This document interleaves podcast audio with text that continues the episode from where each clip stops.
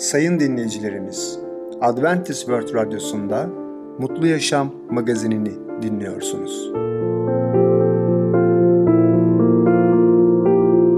Sayın dinleyicimiz, ben Ketrin Akpınar, Adventist World Radyosu Mutlu Yaşam magazine hoş geldiniz. Sizinle birlikte 30 dakika boyunca olacağım.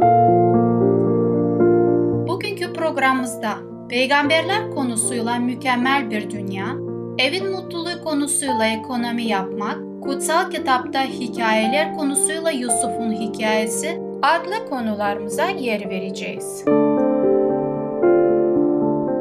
Sayın dinleyicilerimiz, Adventist World Radyosunu dinliyorsunuz. Sizi seven ve düşünen radyo kanalı. Bize ulaşmak isterseniz Umutun Sesi Radyosu et yaha.com Umutun Sesi Radyosu et yaha.com Şimdi programımızda Mükemmel Bir Dünya adlı konumuzu dinleyeceksiniz. Cenneti yakından tanımak mümkün mü? Merhaba sevgili dinleyiciler. Ben Ketrin ve Tamer sizlerle birlikteyiz. Bugün konuşmak istediğimiz konunun ismi Mükemmel Bir Dünya. Daha önceki konularımızda Rab nasıl yaratmaya, dünyayı etmeye başladığını görmüş olduk. Ve bütün melekler izlerken gökyüzü ve yeryüzü şahane çıktı. Mutlak Tanrı sözüyle her yere aydınlandı. Birinci perde tamamlanmış. Birinci gün sona ermişti. Yaratılışın bundan sonraki beş günde Tanrı'nın görkemli eserinin beş perdesi daha vardı. Yaşaya kitabımıza baktığımızda 40. bölümde 21. ve 22. ayetlerden şu sözleri görmekteyiz. Bilmiyor musunuz? Duymadınız mı? Başlangıçtan beri size bildirmedim mi? Dünyanın temelleri atılan biri anlamadınız mı? Gök kubbenin üstünde oturan Rab'dir. Yeryüzünden yaşayanlarsa çekirge gibidir. Gökleri perde gibi gelen oturmak için çadır gibi kuran odur. Evet sevgili dinleyiciler. Kutsal yazılar yeryüzünü bir eve benzetebilir. Ve bu evde görüyoruz ki Yüce Allah her şeyi mükemmel yaratıyor. İnsanların yaşayabilmeleri için bu evreni eşsiz bir şekilde donatıyor. Bu dünyada ayrıca yaşanabilir olması için ihtiyacımız olabilecek her şeyi yüce yaratıcımız Allah'ımız düşünüyor. Melekler de sessiz bir şekilde yüce yaratıcıyı nasıl yaratırken, nasıl bu dünyayı mükemmel bir düzen kurarken seyretmektedirler. Dolayısıyla bu meleklerin önünde yüce Allah bizim dünyamızı gün ve gün yaratmaya devam ediyor.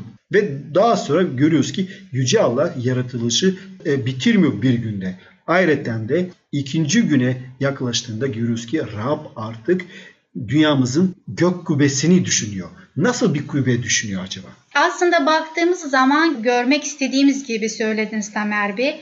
Gerçekten de güzel bir şey. Neden? Çünkü boşluk, karanlık bir yerde hiçbir şey görünmeyen bir ortamda bir anda bir ışık oluyor ve gök kubbesi yaratılıyor.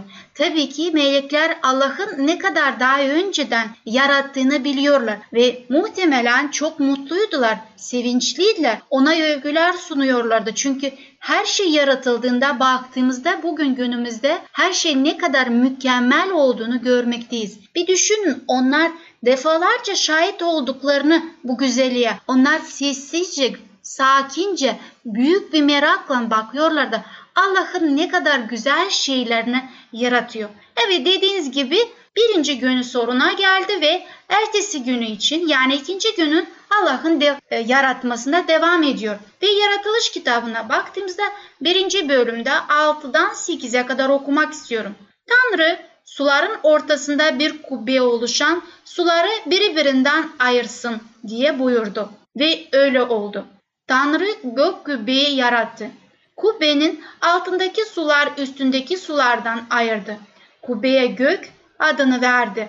Akşam oldu, sabah oldu ve ikinci gün oluştu. Dolayısıyla Yüce Allah dünyayı yarattığında yeryüzü suyla kaplı olduğunu anlıyoruz. Dolayısıyla ilk günden sonra yeryüzünde tamamen su altında olduğunu görüyoruz. Ama ikinci günde görürüz ki Yüce Arap suların bir kısmını alıyor ve üst tabakaya gök kubbenin gök katmanın üst tabakasına yerleştiriyor. Bazı araştırmacılara göre bu su tabakası bulutlar içinde olduğunu düşünmektedir. Bazı araştırmacılar ise bu su tabakası daha yoğun bir şekilde olduğunu düşünüyorlar. Yani bulutlardan daha fazla içerebilecek daha fazla su olduğunu söylüyorlar. Dolayısıyla bu bir tabaka, bir katman olarak olsun ve olmasın yeryüzündeki tamamen yüzeyini sarsın ve sarmasın şeffaf bir su buharı tabakası olduğunu düşünülmektedir. Dolayısıyla gök kübedeki sular bu tabaka olsun ya da olmasın iklimin bugünkü ikliminle farklı olduğuna dair bir kanıtlar da söz konusu değil mi? Evet gerçekten öyledir. Çünkü o zaman Adem bahçesi ne kadar mükemmel olduğunu ve insanlar ne kadar uzun süre yaşadıklarını biz aslında kutsal yazıda hep birlikte görebiliriz. Yalnızca tropik iklim hakimmiş gibi görünüyor.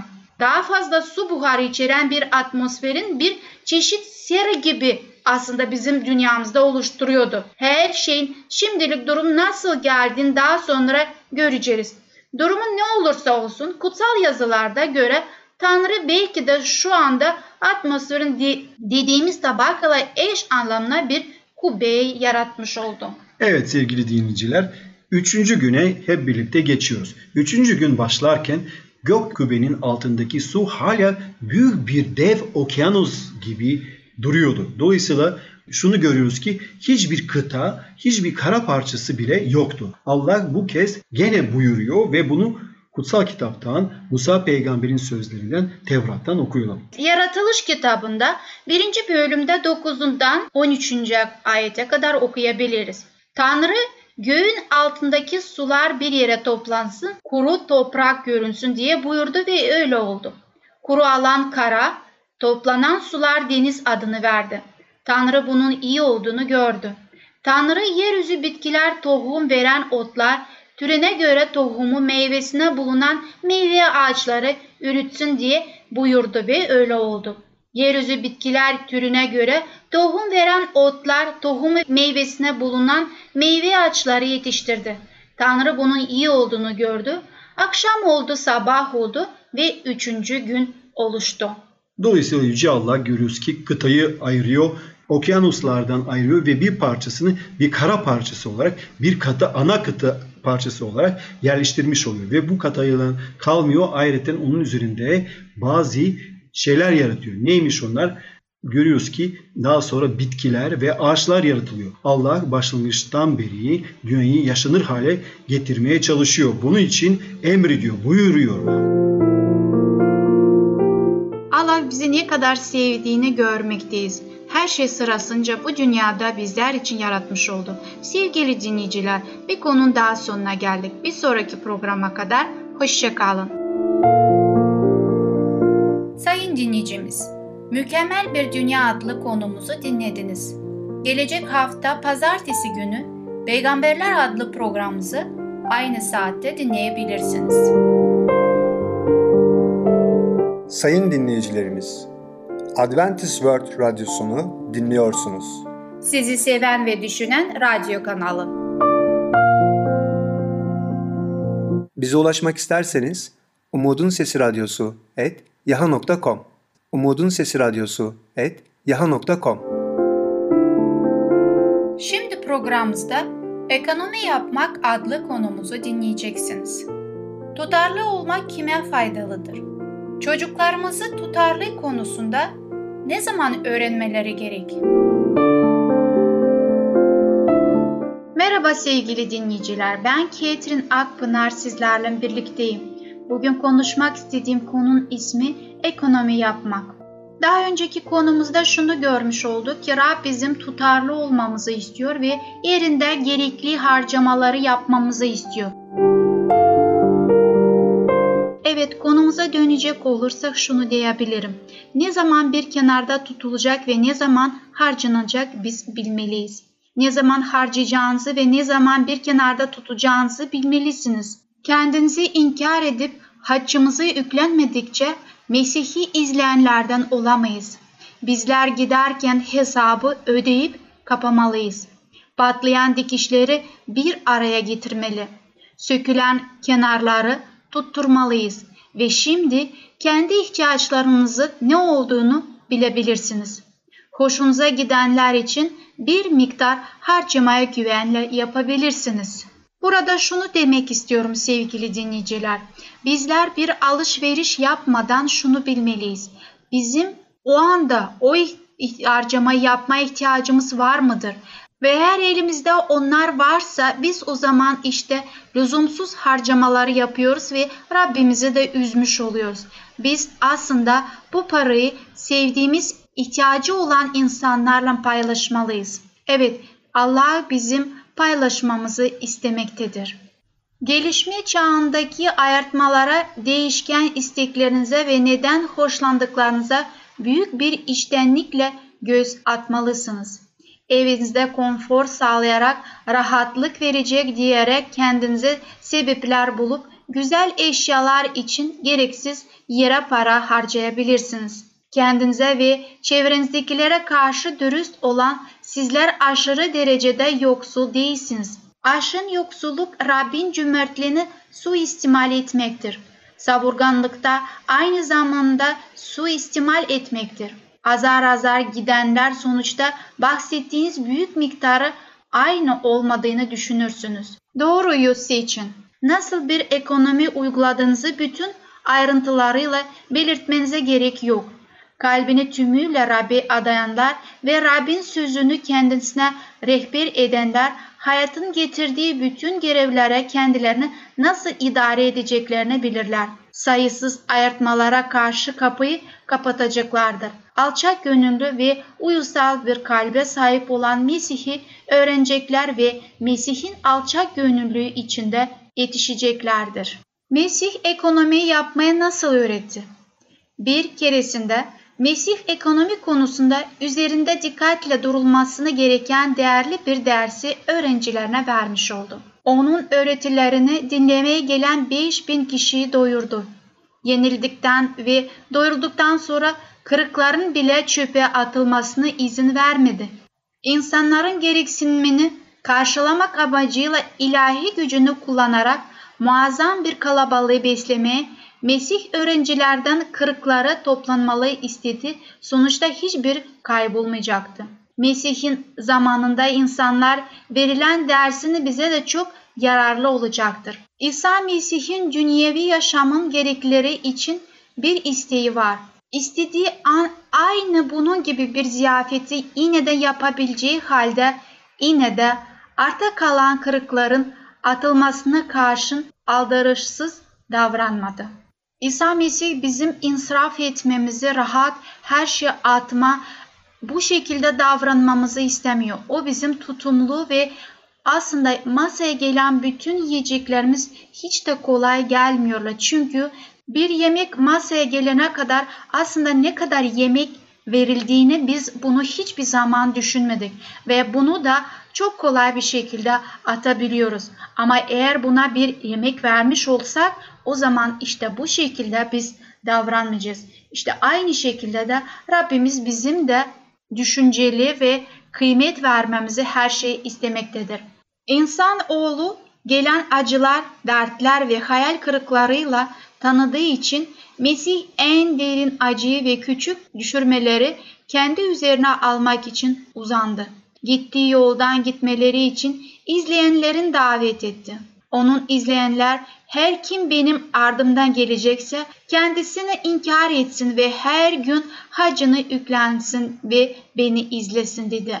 Ama söz ettiği Mesih inanları kurtarıcıların isteğini büyük bir istekle yapmıyorlar.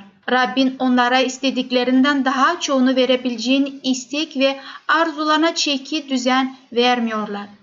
Bazıları şöyle der, ailemin zevkleri pahalıdır ve onları karşılayabilmek için önemli miktarda harcama yapmam gerekiyor der.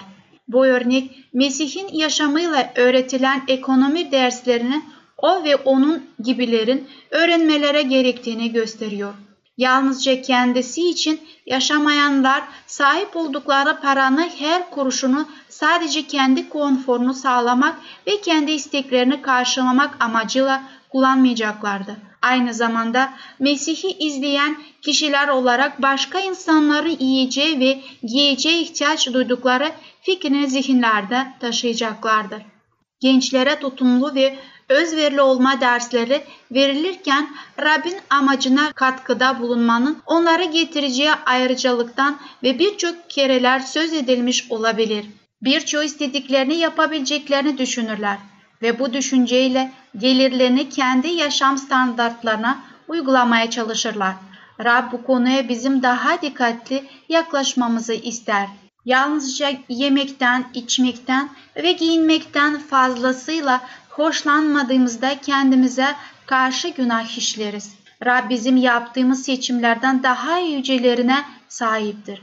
Bizler bencil arzulardan uzaklaşıp kalbimizi açıp zihnimizi vererek Rabbin arzuladığı şekilde tüm gücümüzle çalışmak istediğimiz zaman cennetin tüm güçleri de bizimle birlikte çalışacaklardır ve bizleri insanlık için bir nimete dönüştüreceklerdir. Rabbin bugün bizden istediği tek şey ondan, onunla birlikte istememiz ve onunla birlikte bir hayat sürmemiz ve o bize bu konuda daima yardımcı olacaktır. Sevgili dinleyiciler, bir konun daha sonuna geldik ve bir sonraki programa kadar hoşçakalın. Sevgili dinleyicim, Ekonomi Yapmak adlı konumuzu dinlediniz. Gelecek hafta Perşembe günü Evin Mutluluğu adlı programımızı aynı saatte dinleyebilirsiniz. Sayın dinleyicilerimiz, Adventist World Radyosunu dinliyorsunuz. Sizi seven ve düşünen radyo kanalı.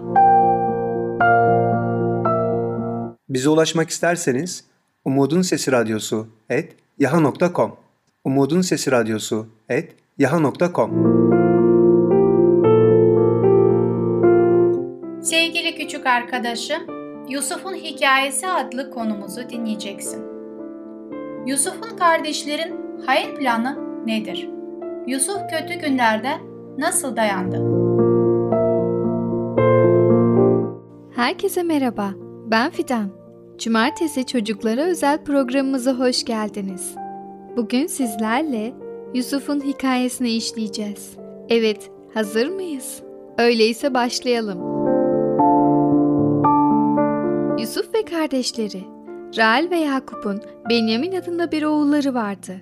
Rahel doğum sırasında öldüğü için Yakup çok üzüldü. Fakat Yusuf ve Benyamin adında iki oğlu vardı. Kendisine Rahel hatırlattıkları için onları çok seviyordu. Yakup'un toplamda 12 oğlu vardı. Fakat en çok Yusuf'u severdi. Yusuf 17 yaşındayken Yakup ona çok renkli ve güzel bir giysi verdi. Kardeşleri babalarının en çok onu sevdiğini görünce kıskanıp öfkelendiler. Bir gün Yusuf bir düş gördü ve düşünü kardeşlerine anlattı. Tarlada demet bağlıyorduk. Ansızın benim demetim kalkıp dikildi. Sizinkilerse çevresine toplanıp onun önünde eğildiler. Sonra kardeşleri bizim üzerimizde kral olup egemenlik süreceğini mi düşünüyorsun? Bu nedenle ondan daha da fazla nefret ettiler. Sonra Yusuf bir düş daha gördü. Güneş, ay ve on bir yıldız önümde eğildiler. Bu düşü sadece kardeşlerine değil babasına da anlattı. Yakup, gördüğüm bu düşün anlamı ne? Benim, annenin ve kardeşlerinin yüzüstü yere kapanıp senin önünde eğileceğimizi mi düşünüyorsun? diyerek onu azarladı. Yusuf'un kardeşlerinin kıskançlığı arttı ama babası Yakup Yusuf'un gördüğü düşleri unutmadı. Bir gün Yusuf babası ve kardeşi Benyamin'le evde yalnızdı. Diğer kardeşleri babasının sürüsüne bakmak için gitmişlerdi. Yakup Yusuf'a git kardeşlerine ve sürüye bak bana da haber getir dedi. Kardeşleri uzaktan Yusuf'un geldiğini gördüklerinde işte düş hastası geliyor dediler. Hadi onu öldürüp kuyulardan birine atalım. Yabanıl bir hayvan yedi deriz. Bakalım o zaman düşlerin ne olacak dediler. Abisi Ruben bunu duyunca Yusuf'u kurtarmak istedi. Ve canına kıymayalım, kan dökmeyelim. Sadece kuyuya atın dedi. Daha sonra Yusuf'u kurtarmayı düşündüğü için böyle söyledi. Yusuf kardeşlerinin yanına vardığında güzel, çok renkli giysisini yırttılar ve onu kuyuya attılar. Sonra da yemek yediler. Bu arada bir grup tüccar gördüler ve Yusuf'u köle olarak satmaya karar verdiler. Yusuf'u tüccarlara verip karşılığında 20 gümüş aldılar. Bütün bunlar olurken Ruben orada değildi. Geri geldiğinde ve Yusuf'u serbest bırakmak için kuyuya gittiğinde Yusuf artık orada değildi. Ruben çok üzüldü ve ne yapacağını bilemedi. Kardeşlerinin yanına gidip "Çocuk orada yok. Babama ne diyeceğim şimdi?" dedi. Kardeşlerinin bir planı vardı. Sanki yabanıl bir hayvan Yusuf'u öldürüp yemiş gibi görünmesi için bir tekeyi kesip kanını Yusuf'un giysisine buladılar. Eve döndüklerinde babalarına kanlı giysiyi gösterdiler. Yakup giysiyi hemen tanıdı ve oğlumun giysisi yabanıl bir hayvan onu yemiş olmalı. Oğlum Yusuf'u parçalamış olsa gerek diye bağırdı. Yakup sürekli ağladı. Üzüntüsü dayanılmazdı. Yusuf öldüğüne göre artık mutlu olamam. Artık tek isteğim benim de ölmem dedi. Kimse onu teselli edemiyordu. Bu arada tüccarlar Yusuf'u uzaklardaki Mısır'a götürdüler. Burada kral Firavundu ve Yusuf'u Firavun'un görevlisi Potifar'a sattılar. Yusuf Potifar için çok çalıştı. O da kısa bir süre içinde Allah'ın Yusuf'a lütfettiğini anladı. Her görevde başarılı oldu. Bu nedenle Potifar her şeyiyle ona güvendi. Yusuf her şeye çok iyi baktı. Yusuf sayesinde Allah Potifar'ı ve ev halkını bereketledi. Yusuf çok yakışıklı olduğu için Potifar'ın karısı ona aşık oldu. Ama Yusuf ona ilgi göstermedi. Bu da kadını çok kızdırdı. Kadın yardım çağırdı. Çabuk gelin Yusuf bana zarar vermeye çalışıyor. Kocasına Yusuf hakkında kötü şeyler söyledi. Hepsi yalandı ama Potifar eşine güveniyordu ve Yusuf'a kızdı. Böylece Yusuf'u hapse atmaları için buyruk verdi. Allah hapiste bile Yusuf'a yardım etti. Nöbetçiler kısa bir süre içinde Yusuf'a güvenebileceklerini anladılar. Böylece tutsakların yönetimini ona verdiler. Yine Yusuf yaptığı her işte başarılı oldu.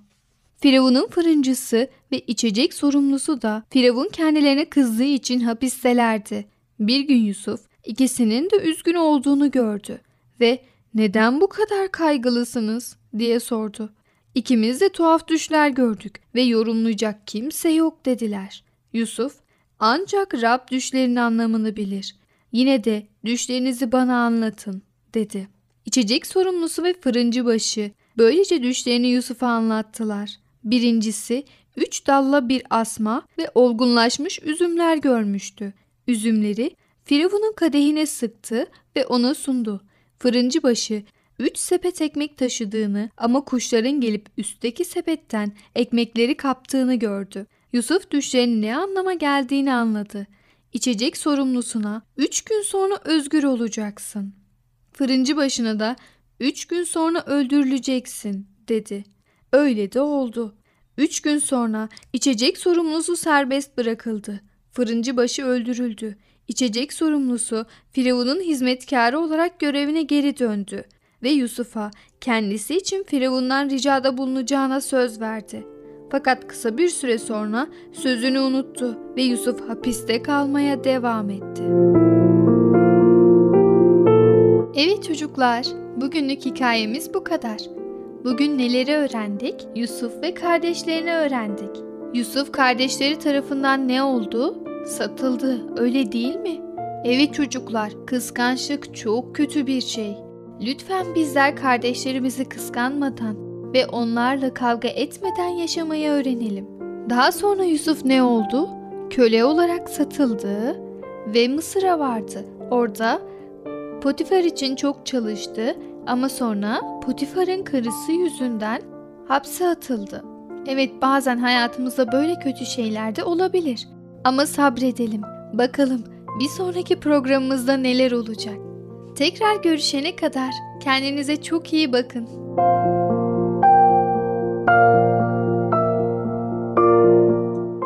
Sevgili küçük dostum, Yusuf'un Hikayesi adlı konumuzu dinledin. Gelecek hafta Cumartesi günü Kutsal Kitapta Hikayeler adlı programımızı aynı saatte dinleyebilirsin.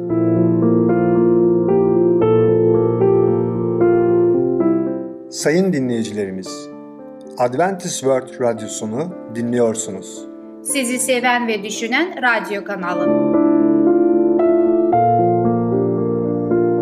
Bize ulaşmak isterseniz Umutun Sesi Radyosu et yaha.com Umutun Sesi Radyosu et yaha.com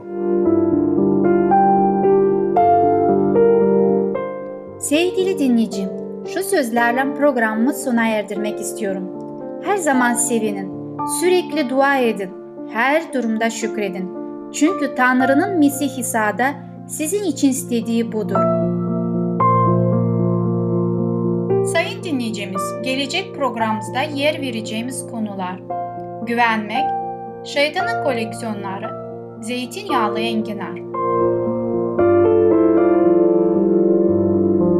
Bugünkü programımız sona erdi. Bizi dinlediğiniz için teşekkürler. Bir sonraki programa kadar görüşmek dileğiyle. Hoşçakalın.